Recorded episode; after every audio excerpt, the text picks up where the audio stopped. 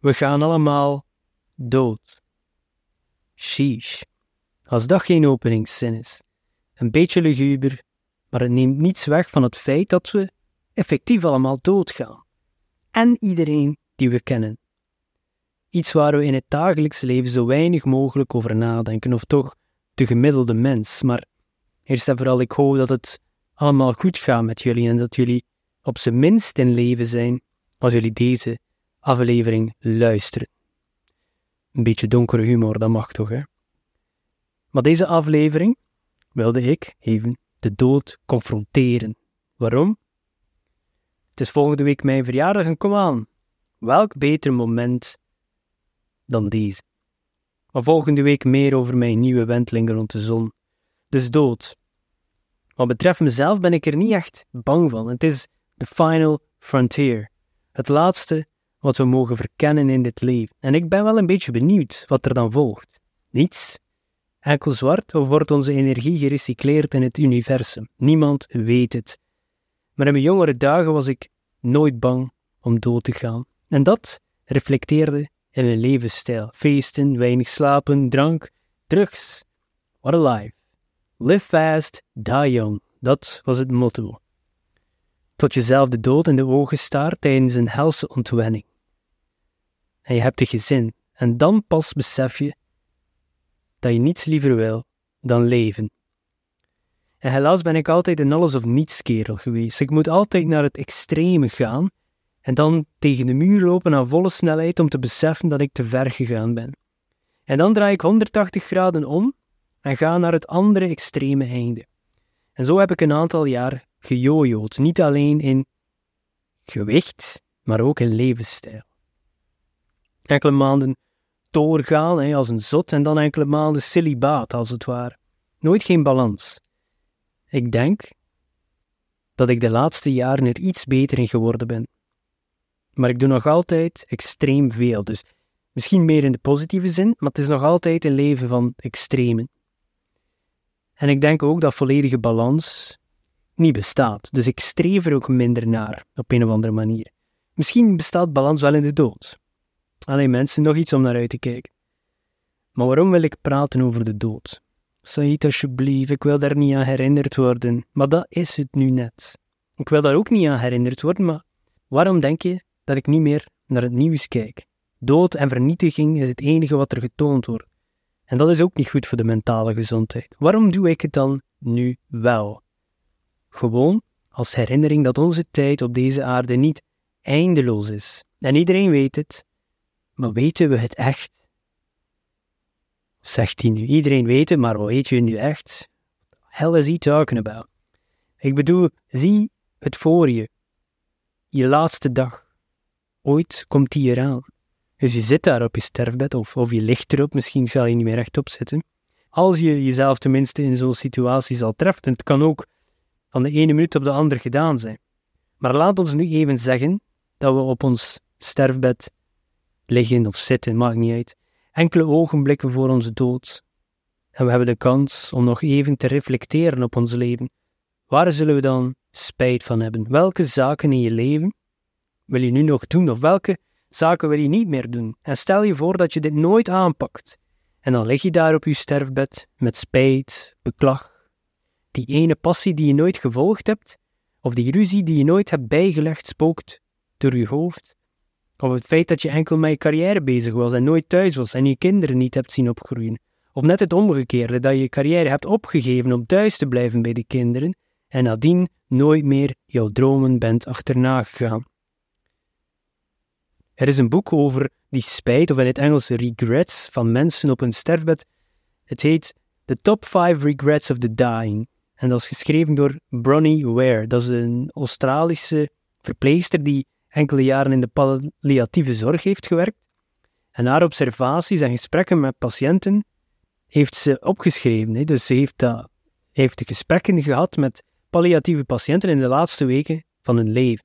En volgens Bronnie Ware zijn de vijf meest voorkomende uitspraken van spijt, en deze heb ik opgeschreven, want ik ken ze niet van buiten, maar zeker de moeite om nu even aandachtig te luisteren.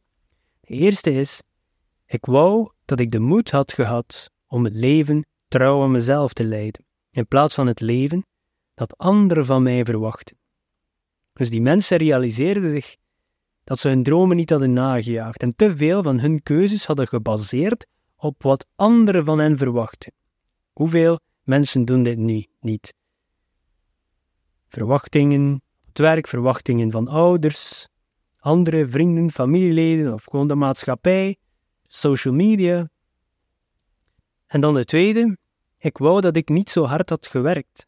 En dat kwam dan vooral van de mannelijke patiënten, die spijt hadden van het missen van ervaringen in het gezinsleven en zeker de jeugd van hun kinderen omdat ze zoveel tijd aan hun werk hadden besteed. De derde, ik wou dat ik de moed had gehad om mijn gevoelens te uiten. Veel mensen onderdrukken hun gevoelens om ruzie met anderen te vermijden. We've all been there. Dit leidt tot die middelmatigheid van die mensen in hun bestaan en ze bleven dan achter met onvervulde relaties en unfinished business. En dan de vierde, ik wou dat ik in contact was gebleven met mijn vrienden. Vaak realiseren die stervende mensen zich te laat dat ze belangrijke vriendschappen door de jaren heen hadden verwaarloosd. En dan de laatste, nummer vijf, ik wou dat ik mezelf toegestaan gelukkiger te zijn. En dat was eigenlijk verrassend, want dat was heel gemeenschappelijk, waarbij heel veel mensen aan het einde van hun leven inzagen dat gelukkig zijn eigenlijk een keuze is. Als ze bleven vastzitten in hun oude patronen en gewoonten, en die angst voor verandering had hen ertoe gebracht om te doen alsof ze tevreden waren, terwijl ze eigenlijk diep van binnen verlangden naar het echte geluk. Dus dat is echt iets om over na te denken. Als we deze zaken nu al weten, hopelijk lang voor we op ons sterfbed liggen, dan zijn dat toch zaken die we nu kunnen aanpakken of op zijn minst waakzaam voor moeten zijn. En die vierde is voor mij persoonlijk eentje waar ik misschien de verkeerde kant op ga. Ik wou dat ik in contact was gebleven met mijn vrienden. Ik heb in de Halloween-aflevering kort over rouwen gesproken. De dood en rouwen gaan hand in hand. Dat weet iedereen. Maar volgens mij kan je ook rouwen als er geen dood van een persoon of dier is voorgekomen. Ik ben geen expert als het op rouwen aankomt, verre vanzelf, ik ben niet gekwalificeerd daarvoor. Ik kan alleen over mijn ervaring praten. Daarvoor raad ik nog steeds die podcast van Andrew Huberman aan over rouwen. Dat was een topaflevering. Dus die kan je zeker beluisteren als je meer over het rouwproces wil weten. En ik heb ook kort vermeld in die aflevering dat ik vrienden en familie verloren ben aan zelfmoord. En die heb ik gerouwd. Maar ik moet eerlijk toegeven dat ik volgens mij nog nooit echt een heel dicht verlies heb gehad. En dat is geen disrespect voor die andere mensen die ik wel heb verloren, maar ik heb het nu meer over dichte familieleden. Mijn ouders zijn er nog. Mijn grootouders heb ik nooit gekend. Twee van hen waren reeds overleden voor ik geboren was. Een ander heb ik nooit ontmoet. En mijn grootmoeder langs vaderskant heb ik de eerste keer ontmoet in Pakistan toen we daar twee maanden op reis waren. En toen was ik al twaalf jaar, of elf jaar, dus. Maar toen die mensen sterven, had ik niet echt een gevoel van verlies. Ik voelde voor mijn vader, die zijn moeder verloren was, uiteraard. Maar ik had geen diepe connectie met die persoon. Het is niet hetzelfde als wanneer je elke dag met iemand in contact staat en dan zijn die er opeens niet meer. Zoals een ouder, een partner of, God forbid, een kind. Maar om het terug te brengen naar die vierde statement, die vierde regret, die vierde spijt, ik wou dat ik in contact gebleven was met mijn vriend. En ik denk voor mij persoonlijk dat dat het dichtst bij rouwen komt. De vriendschap met een groep vrienden. En al die mensen leven nog, hè? of toch de meest. Ik kan de telefoon nemen, een bericht sturen of bellen, maar ik rouw niet de huidige tijd, maar de periode uit onze jeugd. En ik besef dat andere mensen ook vrienden hebben en andere mensen ook een jeugd gehad hebben waar ze goed of slecht naar terugkijken, maar ik voel dat die band tussen onze vriendengroep iets speciaals was. En misschien maak ik het specialer in mijn geheugen en herinneringen. Doen we dat ook niet tijdens een rouwproces? Alles romantiseren? Maar we waren alle dagen samen elke dag rondgangen op een pleintje. En allemaal werden we aangetrokken aan elkaar door onze unieke thuissituatie. Iedereen had een bagage en in elkaar vonden we verwantschap. Toen beseften we dat waarschijnlijk niet. Uh, maar volgens mij was dat pleintje waar we elke dag zaten, jaren aan een stuk, was morgens vroeg, tot s avonds laat, zelfs tot de ochtenden erna. Volgens mij was dat pleintje de enige plaats waar we echt onszelf konden zijn. Geen maskers, just us. En dan uiteraard drank en drugs van een jonge leeftijd ontdekt. Maar jaren later is dat voor mij een, een demon geworden. Een beest waar ik mee worstelde, zoals de meeste luisteraars ondertussen wel weten. En volgens mij, een van die redenen waarom ik enkele jaren aan een stuk constant terugviel, terug begon te drinken, was dat proberen te recreëren van die magische momenten. Het niet willen opgeven van die tijd, nog met één been in die jeugdjaren staan. Maar don't get it twisted, het zijn nog steeds mijn vrienden, maar het contact is serieus verminderd, zo niet onbestaande. And that's on me. Want sedert ik gestopt ben met drinken, kom ik nog weinig buiten. Al stoppen met drinken heb ik ook al vergeleken met een rouwproces in mijn boeken. In ontspoord, ontketend, ontwaakt ga je daar heel veel zulke soort analogieën vinden. Maar het probleem is dat je die oude geliefde, die gestorven is, die fles, altijd kan terugbrengen van de dood. En dat is gevaarlijk. Rouwen is in principe een verlangen. Een verlangen naar iets die onbereikbaar is. En bij een persoon of dier is dat duidelijk.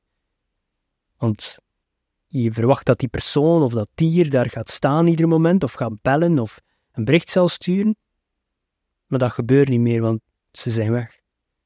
Maar kunnen we datzelfde gevoel ook niet hebben voor een periode uit het verleden? Je kan het ook melancholie of weemoed noemen. Schoonheid en tristesse tegelijk. We koesteren die herinneringen en het brengt ons vreugde, maar ook verdriet tegelijk. Herinneringen kunnen scherp zijn en we kunnen er ons aan snijden als we ze te veel ronddraaien in ons hoofd. We zijn rouw om die periode waar we nooit meer terug naar kunnen. Maar ik ben enorm dankbaar dat ik het mocht meemaken. En dankbaar voor de boys. En ik weet niet wie er van hen luistert naar deze podcast. Als ze dat doen, zeggen ze waarschijnlijk onnozelaar. Je kan toch gewoon bellen. En eigenlijk, heel toevallig, of noem het toeval of niet, ik neem deze podcast op in mijn middagpauze. En ik kom toe met mijn auto aan mijn huis. En er staat een busje iets verder voor de deur. En de persoon die eh, aan het werken is in dat busje, of ja, dat was zijn werkbus, was een van mijn oude vrienden. That's weird, man. Net voor ik deze podcast ga opnemen, ik zeg nog geen 20 minuten geleden. En we praten nog een beetje net over dit concept. Crazy. Dus ik weet alvast dat er één iemand af en toe luistert, dus dat is cool, man. Die vriendschappen onderhouden, dat is echt iets waar ik zelf moet aan werken. Al sinds het nuchter worden heb ik ondervonden dat ik het moeilijk vind om die conversatie weer aan de gang te krijgen. Die drank was voor mij te veel een sociaal glijmiddel geworden en nu besef ik pas hoeveel ik dat gebruikte als kruk om sociaal te kunnen zijn. En nu denk ik veel te veel na over wat ik wel en niet moet zeggen. Of je gaat al snel terug naar die gesprekken van weet je nog die keer en weet je nog toen we dat gedaan hebben. Dat is allemaal leuk, maar je kan het niet blijven doen. Zoals Tony Soprano zei: Remember when is the lowest form of conversation. En ik ga niet volledig akkoord met die statement, maar het is een coole quote. R.I.P. James Gandolfini, een van mijn lievelingsacteurs en eentje die enorm pijn gedaan heeft als hij gestorven was. Een man die ik nooit heb ontmoet, maar wel sinds jongs af aan jaren aan een stuk op mijn tv zag. En hoeveel keer dat ik de Sopranos bekeken heb, ik kan het niet meer bijhouden. Zelfs nu nog tien jaar later doet dit nog pijn. Heel vreemd, maar ik ben gewoon eerlijk. Het was trouwens ook een van mijn vrienden die me tien jaar geleden een bericht stuurde, s'morgens, een sms nog, wie kent er dan nog? En in die sms stond, James Gandolfini is overleden aan een hartaanval in Italië. Damn. Wie de Sopranos nog niet heeft gezien, What Are You Doing? Go watch it. Sublieme performance van Jimmy Gandolfini. Maar het is ook een trieste herinnering hoe onze tijd niet eindeloos is. Die man was 51 jaar. Dus we moeten ervoor zorgen dat we het leven leiden waar we trouw zijn aan onszelf en niet hetgeen wat anderen van ons verwachten. En tijd spenderen met de mensen die we graag zien. De Stoïcijnen, die hadden ook zo'n kijk op de dood. En dit jaar heb ik een aantal boeken gelezen over Stoïcisme, zoals Meditations van Marcus Aurelius en A Guide to the Good Life van William Irvine. Dat zijn bekende boeken. En ik heb een aantal notities gemaakt daarover, maar het is zeker de moeite om je daarin verder te verdiepen als je geïnteresseerd bent in die Stoïcijnse manier van leven. De Stoïcijnen, dat was een filosofische school uit het oude Griekenland en Rome, en die hadden heel veel te zeggen over de dood. Hun benadering van de dood was er eentje van openheid en ook van acceptatie en focus op het leven in het huidige moment. Hey, what do you know? Waar praat ik heel dagen over? Dus die Stoïcijnse filosofen, zoals Seneca en Epictetus en Marcus Aurelius, zagen de dood als een natuurlijk en onvermijdelijk aspect van het leven, iets dat binnen de natuurlijke orde van het universum valt. En dat is eigenlijk niet iets waar men zich overmatig zorgen over zou moeten maken. We rouwen trouwens ook niet over onszelf toen we er nog niet waren. Hè? Rouw jij om je niet geborene zelf? En hier zijn enkele kernpunten over hoe die stoïcijnen over de dood dachten. Dood is natuurlijk, hè, zoals ik net zei. Het is een natuurlijke cyclus van het leven. Alles wat geboren wordt, moet ook sterven. Het is niet goed of niet slecht. Het is simpelweg hoe de dingen zijn. Stoïcisme draait ook om het onderscheid te maken tussen wat binnen onze controle is en wat niet, omdat we geen controle hebben over het feit dat we zullen sterven.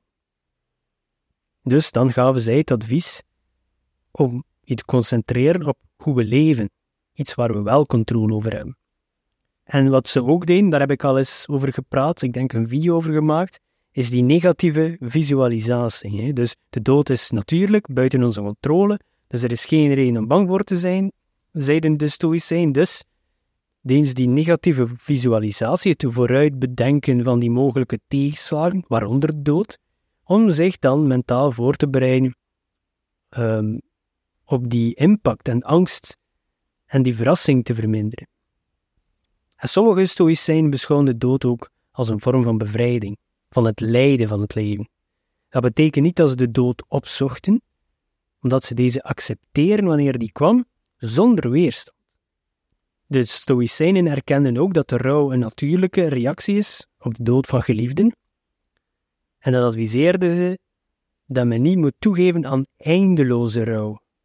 Ze stelden voor om verdriet te ervaren en te begrijpen en dan verder te gaan. En terug verder gaan en terugkeren eigenlijk naar de deugden van het leven. Wat uiteraard makkelijker gezegd is dan gedaan, maar dat is stoïcisme. En natuurlijk bereiden ze zich ook voor op hun eigen dood. Niet morbide of om depressief te worden, dat was gewoon een oefening om de waarde van het leven te versterken en weer je te gaan richten op wat er belangrijk is. Dus eigenlijk kan je die stoïcijnse houding ten opzichte van de dood samenvatten als een respectvolle acceptatie. Dus door te accepteren dat de dood deel uitmaakt van het leven, kunnen we ons concentreren op het leven in het heden. En dat is eigenlijk hoe ik wil afsluiten. We brengen allemaal onze dagen door met onze eigen zorgen en onze eigen vreugdes. En die gedachte aan de eindigheid van het leven kan ons soms verrassen, zoals het er iemand in je oor fluistert die je eraan herinnert dat onze tijd hier niet oneindig is. Maar in diezelfde fluistering ligt er ook een uitnodiging. Een uitnodiging om aanwezig te zijn in de momenten die wij hebben. En ik weet dat ik er veel over praat, maar dit was een andere manier om het te zeggen. We hebben niets anders dan het huidige moment. Het is vluchtig, je kan er niet aan vasthouden, anders zit je al in het verleden. En daarom doe ik meerdere keren per dag zo'n reset. Ik heb dat nodig om soms uit mijn eigen hoofd te ontsnappen, meer verbinden met nu en met mensen. En net door het accepteren van de dood als een deel van ons bestaan, hoeft dat dan niet zwaar te wegen op onze harten. Het kan ons juist zachter maken. Ons leren om meer genegenheid en aandacht te schenken aan de mensen om ons heen.